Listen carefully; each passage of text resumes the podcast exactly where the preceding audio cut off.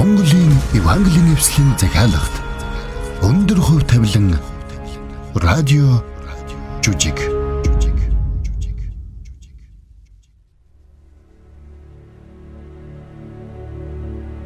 Ирхэм сонсогч танд өндөр хувь тавилан радио жүжигийн эхний дугаарыг толилуудахад бэлэн боллоо.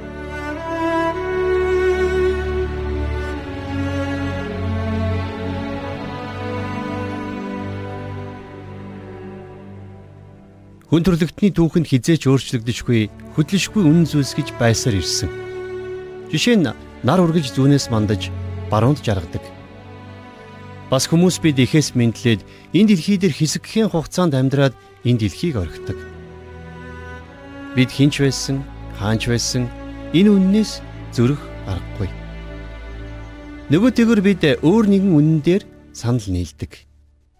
Ямар ч улс гүрэн, ямар ч хэл соёл ямар ч үндэстэн ястанд бурхан гэсэн ойлголт заавал байдаг.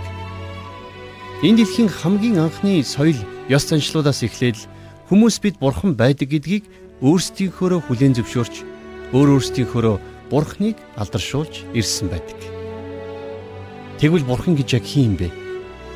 Бид бурханы талаар жохом юу мэдэх вүлээ? Магадгүй заримынх нь хувьд бурхан ууртай, үш санагч алдаж эндсэн нэгнийг хайр найргүйгээр шийтгэгч мэтэр төсөөлөгддөг байх. Харин өөр заримынх нь хувьд бурхан алс холын нууцлаг нэгэн мэтэр төсөөлөгдөж байдаг.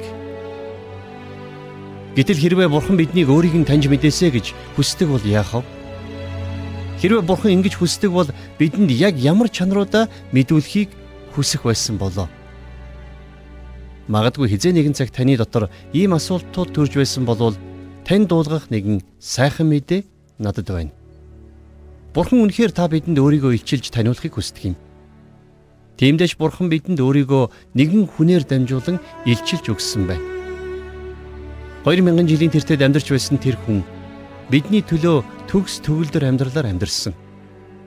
Тэр хэдийгээр 3 жилийн хугацаанд л олны өмнө гарч үйлчилсэн боловч энэ дэлхийг бүхлээр нь өөрчилж чадсан юм авахаасаа өгөх нь илүү ерөөлтэй гэдгийг тэр хүмүүст зааж сургасан. Бас хөршөө төдийгүй дайснуудаач хайрлах учиртай гэж тэр сургасан. Тэрч бүхий л бурхан биднийг хүн нэг үрчлэн мэддэг. Бидний ширхэг ус унахыг ч андахгүй мэдэж байдгаа гэдгийг тэр хийж өгсөн юм. Тэр бүх хүмүүсийг нөхцөл болзолгүйгээр хайрлаж, гайхамшгуудыг үлдэж, өвчнийг эдгэж, үхэгсдийг амдуулж бүх хүмүүсийн төлөө өөрийнхөө амийг өгсөн. Түүний хийсэн бүхэн нь бидэнд бурхан гэж хэн болохыг таниулж өгсөн юм. Тэр хүний нэрийг Есүс гэдэг. Ингээд сонсогч таныг бурханы үг буюу Библиэл дээрх хүмүүс тохиолдсон үйл явдлаас сэтгэлэн бүтээсэн өндөр хувь тавилан химээх радио цувралж үжигийн эхний бүлгийг бүлээн авч сонсхийг урьж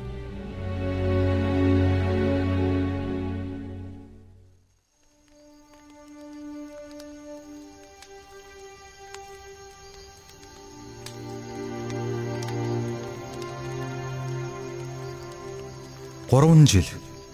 Би 3 жилийн туршид энэ 12 эрттэй хамт амьдарч тэдэнд Бурхны тухай болон Бурхны хаанчлалын тухай зааж сургасан. Бид хамтдаа хот хөдөөгүй аялан явж, хамтдаа талх хуваан идэж, шүн дүл хүртэл ярилцаж, хөгжилдөж, инээлдэж суудаг байлаа.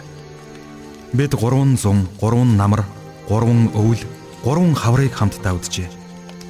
Эргээд харахад энэ 3 жил үнэхээр сайхан өнгөрсөн байна. Тэднэрт маань ярихгүй сэдв гэж байхгүй. Загас барьсан түүхээ ярина.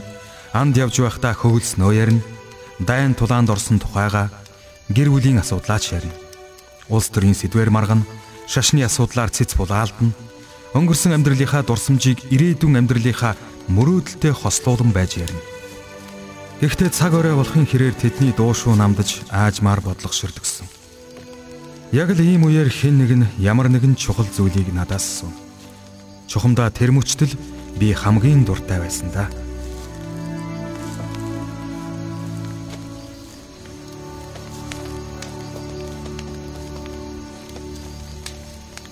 Есүс ээ би танаас нэг юм асуучих уу?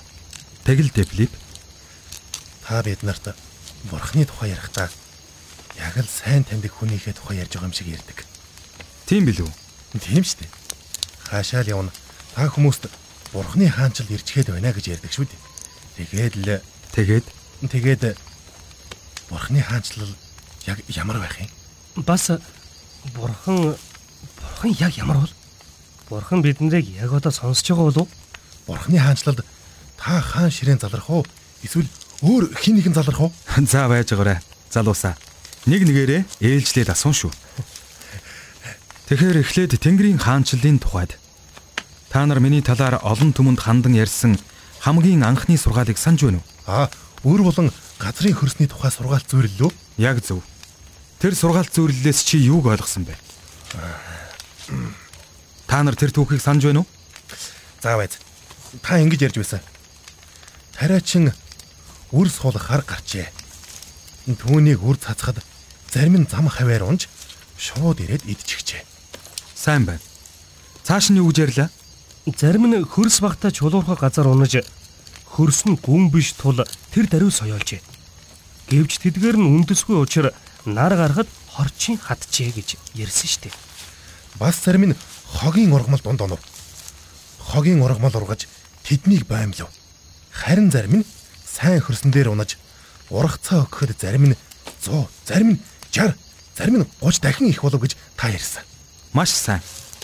За тэгвэл та нар энэ түүхээс юуг ойлгосон бэ? Бид нар тэр үед танаас утгын асуугаад та бидэнд хэн нэгэн нь хаанчлалын тухай үгийг сонссон авч эс ойлгол ёрын муу нэгэн ирж зүрхэнд нь юу суулгагдсныг булаан авдаг гэж хэлж өгч байсан. Энэ нь зам хаваар унагсад гэж та хэлсэн. А бас чулуурхай газар унсан нь үгийг сонсоод тэр даруйдаа баяртайгаар хүлээн ававч харин тэрээр үндэсгүй тул төр зур байдаг аж. Үгээс болж зовлон эсвэл хавчлаг тохиолдоход тэрээр шууд бүдрэн ундаг гэж та ярьсан. Тэгвэл хогийн ургамал дунд унсан үр яадаг вүлээ? Хогийн ургамал дунд унсан нь үгийг сонсдог. Харин энэ дэлхийн завнил эд баялагын хоромч нь үгийг баймилж энэ нь үр жимсгүй болдог. Сайн хөрсөнд суусан нь үгийг сонсдог бас ойлгодог нэгэн бөгөөд тэрээр үнэхээр үр жимс гаргадаг. А зарим нь 100, зарим нь 60, зарим нь 30 дахин гаргах болно гэж та ярьсан. Сайн байна. Тэгвэл та нар энэ түүхийн цаад утгыг ойлгосноо? Энэ түүх ямар утгатай вүлээ? Үрийн тухай сургаалт зөвлөл шүү дээ. Тэгвэл энд гарч байгаа үр нь юуг төлөөлж байна вэ? Үрийг цацна гэдэг нь юуг тарина гэсэн үг үү? Аа үр гэдэг нь мэдээ юм болов? Тийм ээ. Гэхдээ яг ямар мэдээ вэ? Яг үү. Таны сургаал лохгүй юу? Тэнгэрийн хаанчлал ойрхон байна гэдэл. Тийм ээ. Яг зөв. Гэхдээ Есүс ээ тэр тариачи яагаад тийм хайхрамжгүй байдлаар үрээ цацж байгаа юм бэ? Тэр тариачи яагаад үр нь урахааргүй хөрснүүд рүү хайрын үрээ цацаж үрэн таран хийж байгаа юм бэ? Маш сайн байна Филипп. Маш зөв зүйл асуулаа. Наадах чинь үнэхээр зөв асуулт байна. Энэ л асуултаас бид нар Бурхны тухай бас түүний хаанчлалын тухай олж мэдэх болно шүү дээ. Хөөх. Тийм үү? Тэгэлгүй яах юм? Бурхны хаанчлалын төлөө илүү сайн тариачдыг ажилуулж байх нь зүйтэй гэсэн зүйлийг бид ойлгож авлаа шүү дээ. Томас. Тэгвэл би чамаас нэг зүйл асууя. Бурхан өөрийнхөө хаанчлалд яг ямар хүмүүсийг ороосоо гэж хүсдэг бол? Юу гэсэн үг юм? Бурхан зөвхөн ухаантай мэрэгэн хүмүүсийг сонгож авахыг хүсдэг болов уу? Эсвэл маш их эд хөрөнгөтэйг нь хүсдэг болов уу? Эсвэл ямар ч алдаа гаргадаггүй хүмүүсийг хүсдэг болов уу? Үгүй баха. Хэрвээ тийм байсан бол бид нар бүгдээрээ багтахгүй нь байж тээ. Яг зөв Филипп. Та нарын хинэнч багтахгүй байх байсан.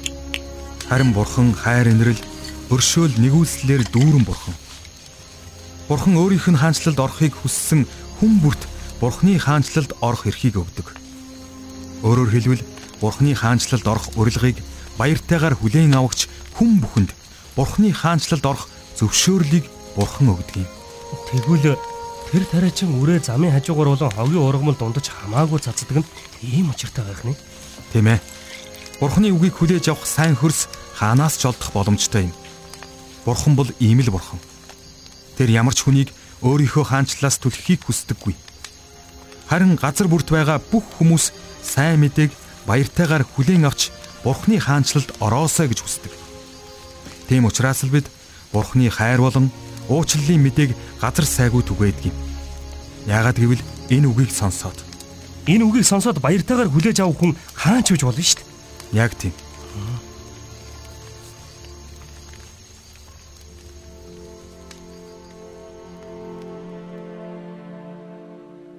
Бидэнтэй хамт байгаа сонсогч танд маш их баярлалаа. Өнөөдөр бид өндөр хувь тавилан химээх цуврал жүжгүүдийн хамгийн ихний дугаарыг бүлээн аван сонсож байна. Есүс болон түүний дагалдагчид завгүй өдрийн дараа түүдэг гал тойрон суугаад хэрхэн ярилцаж байгааг бид сая сонслоо. Тэд ийхүү амарч тухлах зураа Бурхны тухай болон түүний хаанчлалын тухай ярилцсан.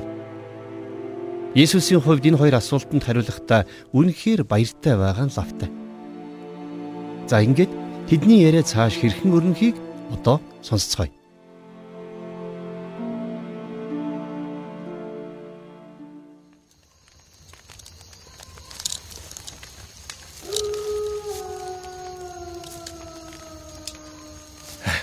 Чон үлээд байна. Хідүүлээ галааж авах өрдөхөө. Чон та нарыг сонирхохгүй. Төөрсөн хонил хайж яваагаас гарцаагүй. Гэд ярьсан чинь нэг түүх санаанд орж байх чинь. Төөрсөн хоньны тухай түүх үү? Аа тий. Тэр түүх нэрээ сонин шүү. Есүс ээ. Яагаад тэр хончин ганц муу төөрсөн хоньны төлөө бүхэл бүтэн 99 хонио хээр орхиод явчихдаг байна аа. Чи юу гэж бодож байна Филипп? Мэдгүй. Надлав шал утгагүй санагдаж байна. Тэгвэл хэрвээ тэр хончин 99 хонтойгоо үлдээд төөрсөн хонио хайхгүй бол тэр 99 хон яах вэ? Яахчгүй. Аюулгүй л байна үз? Тийм ээ. Тэгвэл нөгөө төөрсөн хон яах вэ? Тэрж гарцаагүй чаны хоол болно л доо. Тэгвэл тэр хончин 99 хонио төөрсөн нэг хонтойгоо нэгэн зэрэг харж хамгаалж чадахгүй нэ дээ. Тийм үү? Тий. Тэгвэл хэрвээ тэр хончин энэ хоёр зүйлийг хоёулангийн хийж чадахгүй яах вэ? 99 хонтойгоо хамт байхынхаа хажуугаар алга болсон нэг хонио хайж олж чадахгүй яах вэ? Юу гэсэн үг юм? Яаж нэг хүн хоёр газарт нэгэн зэрэг байж чадах юм? Гэхдээ Томас бид нар энд хүний тухай биш бурхны тухай ярьж байгаа шүү дээ. Тэр хончин бол бурхныг төлөөлж байгаа төлөөлөл. Харин бурхан бол нэгэн зэрэг хаа сайгүйгээр орших чадaltaй шүү дээ. Үнэхээр бурхан бол хаа сайгүйгээр оршихч нэгэн. Тэр бидэн шиг цаг хугацаа орон зайд хязгаарлагддаггүй. Бурхан өөрийнхөө хүмүүсийг харж хамгаалахынхаа хажуугаар төөрч одсон нэгнийг ч бас ирж хайж чаддаг юм. Аа хэрвээ бурхан хаа сайгүйгээр оршдог юм бол бурхан тэр хонтойч бас хамт байгаа гэсэн үг үү? Тэгэлгүй яах вэ? Бурхан тэр алдагдсан хонь хаана байгааг маш сайн мэдж байдаг. Бурхан хаа сайгүйгээр оршдог. Тэр бас бүхнийг мэддэг. Тэр бүгдийг мэддэг гэж үү? Бүх зүйлийг мэддэг. Бурханы мэдлэгээс гадуур орших зүйл гэж нэг ч байхгүй. Бидний хийж байгаа зүйлийг чи бурхан мэдэх үү? Томас минь дээ. Тэр чиний юу хийж байгааг битгий хэл юу бодож байгааг ч мэдж байгаа. Гэхдээ эн чинь Чи бурхны мэлмигээс юу ч нууж чадахгүй. Чиний очих газар бүрт бурхан аль хэдийн байж байх болно. Тэгэхээр түрүүн ярьж байсан зүйл рүүгээ оръё. Хэрвээ бурхан бүхнийг мэддэг юм бол дээрээс нь бурхан хаа сайгүйгээр оршдог юм бол тэр хонь төөрсөн гэсэн үг мөн үү? Аа тэгвэл тэр хон чинь анхнаас огт төөрөгүйгээс ялгаагүй юм шүү. Яг зөв Филипп. Тэр хонь анханасаа төөрөөгүй гэж ойлгож болно.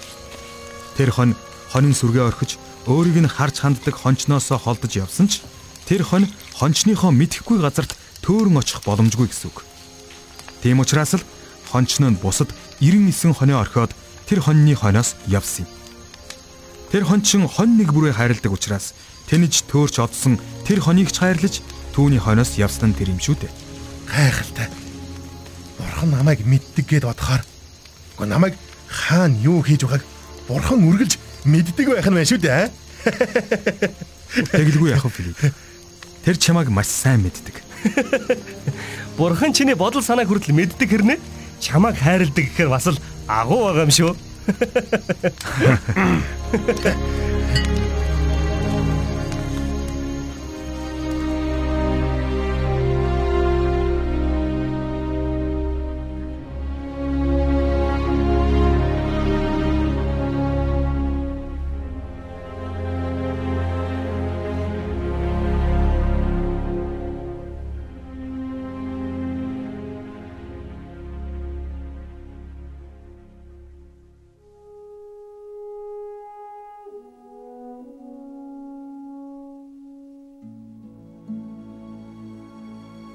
Есүс нас барахаас өмнө дагалдагч нартай нэгэн чухал зүйлийг заавал ойлгуулахыг хүсч байсан нь Бурхны хайрын тухай байсан юм. Есүс дагалдагч нартайгаа энэ сэдвээр байнга ярилцаж Бурхан тэднийг ямар ихээр хайрладаг болохыг ойлгуулахын тулд янз бүрийн сургаалт зөвлөлүүдийг ярьж өгдөг байсан. Есүс Бурхны хаанчлалын тухай болон түүний хайрын тухай олон олон сургаалт зөвлөлүүдийг ярьсан нь бүгд нийлээд бүхнийг мэдгч бүхнээс хүчрэхэг хаа сайгүйгээр зэрэг оршигч тэрхүү агуу Бурхан аавын гайхамшигтай цогт зураглал болж чадсан юм. Нөгөө талаасаа Есүс тэдэнд аврагч хэрэгтэй гэдгийг зааж сургаж байсан. Хэдийгээр Бурхан бид нарыг мөнхийн хайраараа хайрлсан боловч бидний гим нүгэл биднийг бурхнаас холдуулан хөндөрүүлсэн байсан. Гэхдээ нэгэн сайхан мэдээ байгаа. Бурхан бидэнд гим нүглээ уучлуулах арга замыг өгсөн. Тэр зам бол Есүс Христ өөрөө юм. Бурхан Есүсийг энэ газар дэлхий рүү аврагч болгон илгээсэн. Илч Паул Библиэлд Христ Есүс нүгэлтнүүдийг аврахаар ертөнцид ирсэн гэж тунхагласан байдаг. Есүс онгон Мариас мэндэлж төгс гим зэмгүй амьдралаар амьдарсан юм. Библиэлд учир нь ганц бурхан байна. Мөн бурхан ба хүмүүсийн хоорондох ганц зууч хүмүүн болох Христ Есүс байна гэж их тодорхой бичсэн байна. Үнэхээр зөвхөн Есүс Христээр дамжуулан бид гим нүглээ уучлуулах боломжтой билээ. Би энэ цагт Бурхны өмнө чин зүрх сэтгэлээсээ нэгэн залбирлыг хийх гэж байна. Та миний залбирахыг сонссоод дараа нь надтай хамт тэрхүү залбирлаар залбираарай. Бурхан минь ээ. Та надад гим нүглээ уучлуулах үүд хаалгыг нээж өгсөн учраас би талархаж байна. Та өөрийн амьд үг болон Есүс Христийг миний аврагч болгон илгээсэн учраас баярлалаа. Тэр миний төлөө гимгүй төгс амьдралаар амьдарсан учраас танд талархаж байна. Есүс Христ миний төлөө амиа өгсөн учраас танд чин сэтгэлээсээ баярлалаа. Би гим нүглээ хэрхэн уучлуулж болох вэ гэдгийг улам илүү ойлгож мэдхийг хүсэж байна. Есүсийн нэрээр Амен. За одоо энэхүү залбирлыг та миний ардаас давтан хэлээрэй. Ингэж хэлэхдээ та өөрийнхөө чин зүрхнээсээ Бурханд хандан залбираарай. Бурхан минь ээ. Та надад гим нүглээ уучлуулах үүд хаалгыг нээж өгсөн учраас танд талархаж байна. Та өөрийнхөө амьд үг болон Есүс Христийг миний аврагч болгон илгээсэн учраас танд баярлалаа. Тэр миний төлөө гимгүй төгс амьдралаар амьдарсан. Есүс Христ миний төлөө амиа өгсөн учраас би таньдаа талархъя. Харин одоо би гимнүглээ хэрхэн уучлуулж болох вэ гэдгийг улам илүү ойлгож мэдхийг хүсэж байна. Есүсийн нэрээр залбирлаа. Амен. Энэхүү залбирлыг надтай хамт хийсэн танд баярлалаа. Бид дараа дараагийнхаа нэвтрүүлгүүдээр дамжуулан Бурхны тухай болон таныг хайрлсан түүний хайрын тухай илүү сурч мэдэх болно.